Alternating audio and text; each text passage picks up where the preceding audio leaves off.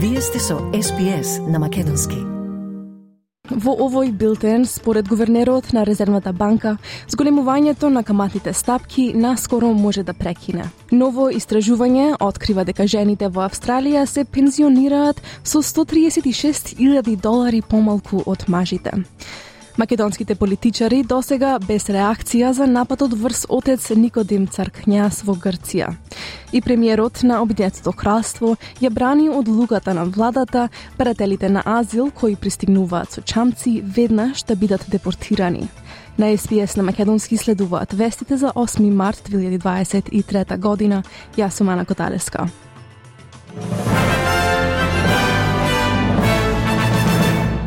Гувернерот на Резервната банка Филип Лоу вели дека се приближува времето кога порастот на каматните стапки ќе се паузира.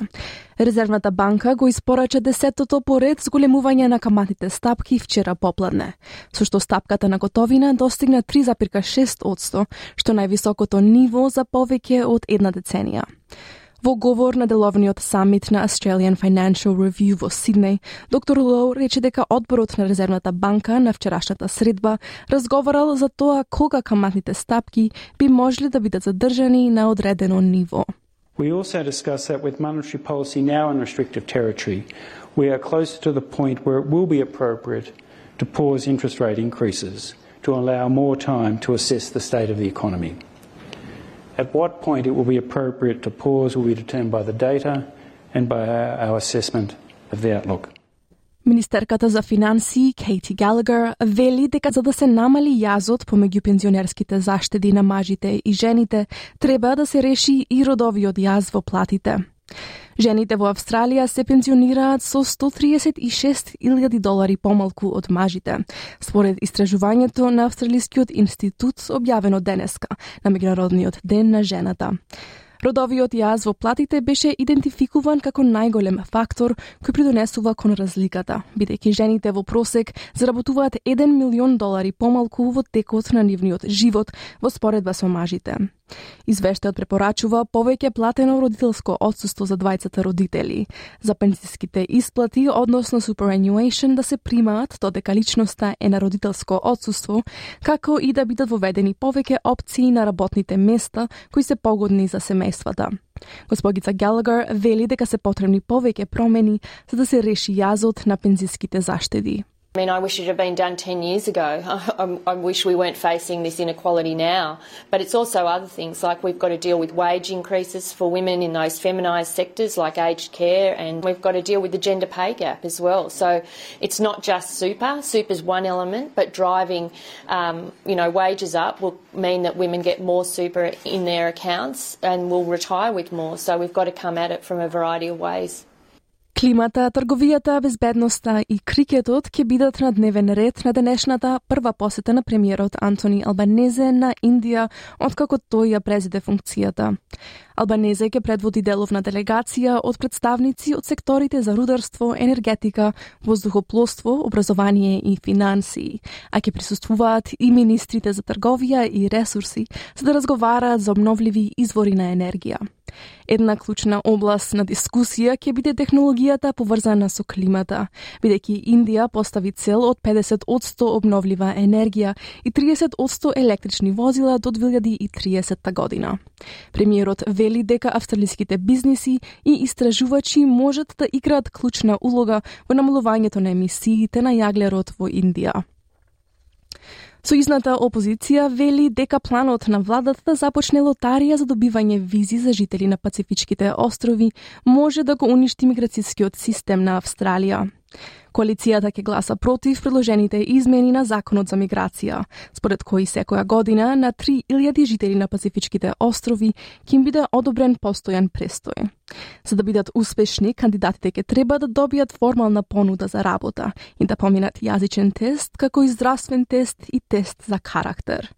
Подпаролот за имиграција на опозицијата, Дан Тихен, вели дека иако поддржува опции за визи за жителите на Пацификот, тие треба да се доделени според нивната заслуга.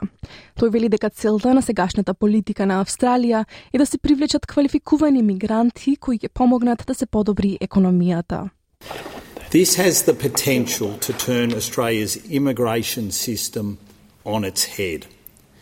Instead of Australia's current immigration policy, which is based on attracting skilled migrants who contribute to the economy, the government proposes to introduce a lottery to decide who can become a permanent resident. That is why we oppose this bill. Владата вели дека програмата ќе ги продлабочи дипломатските врски на Австралија во регионот и ќе обезбеди поправеден пристап до постојан престој во земјава. Повеќе жени од кога било досега држат високи политички функции широм светот, но постигнувањето на родова еднаквост се уште е далечна цел. Организацијата на Обединетите нации, посветена на родова еднаквост, UN Women, ги објави податоците по повод одбележувањето на Меѓународниот ден на жената. Во последната деценија, процентот на жени лидери на држави се зголеми од 5,3% на 11,3%. Но на глобално ниво, помалку од еден од 4 министри во кабинетите е жена. Жените најчесто работат во ресори за човекови права, родова еднаквост и социјална заштита, додека мажите доминираат во областите на политиката, како одбраната и економијата. Извршната директорка на UN Women, Сима Бахус, вели дека постигнувањето на родова еднаквост се уште е далечна цел.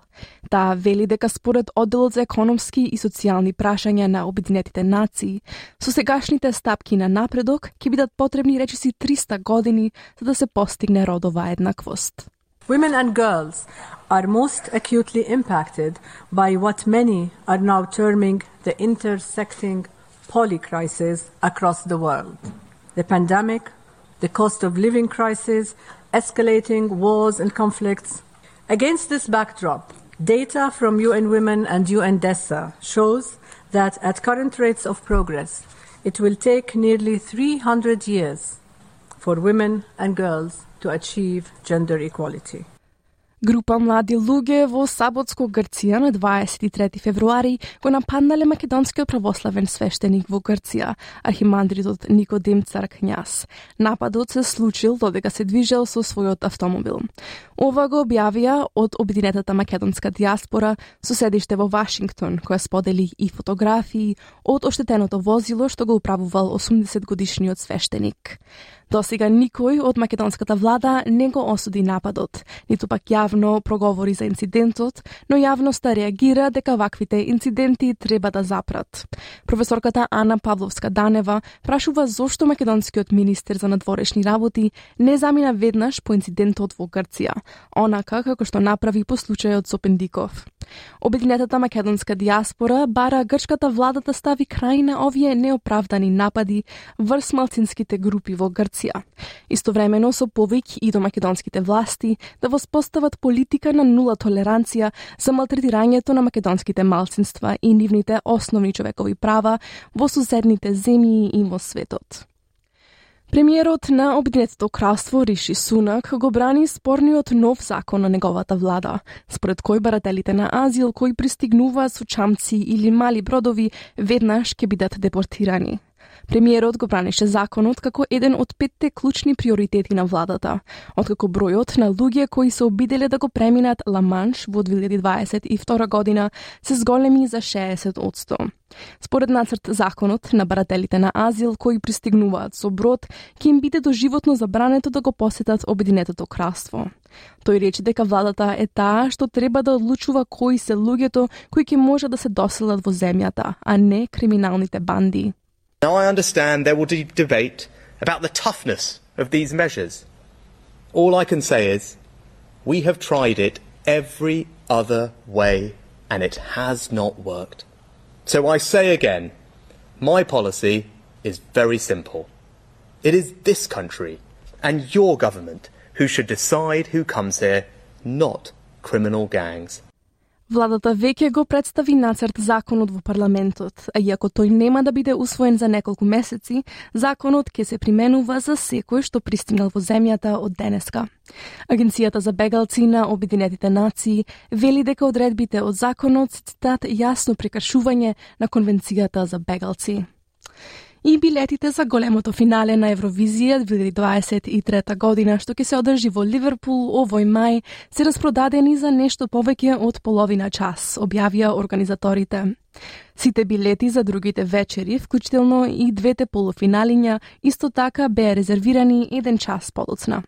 Британија е домакин на преворот во име на минатогодишниот победник Украина, откако организаторите побараа друга локација поради руската инвазија.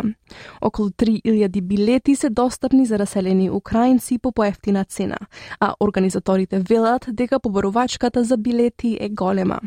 Се очекува околу 160 милиони луѓе ширум светот да ги следат настапите меѓу 9 и 13 мај.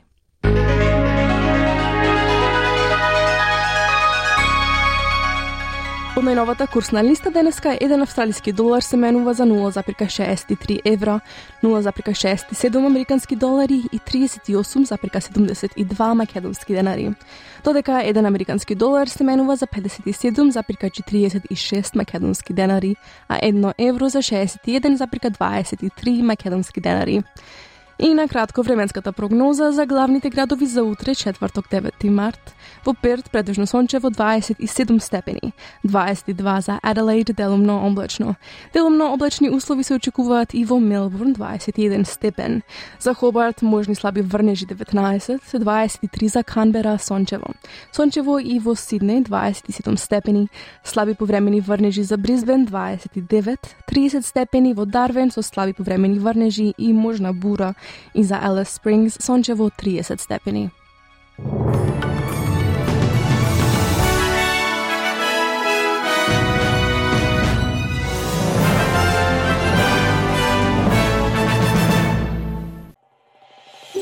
Сакате ли да чуете повеќе прилози како овој? Слушате подкаст преку Apple Podcasts, Google Podcasts, Spotify или од каде и да ги добивате вашите подкасти.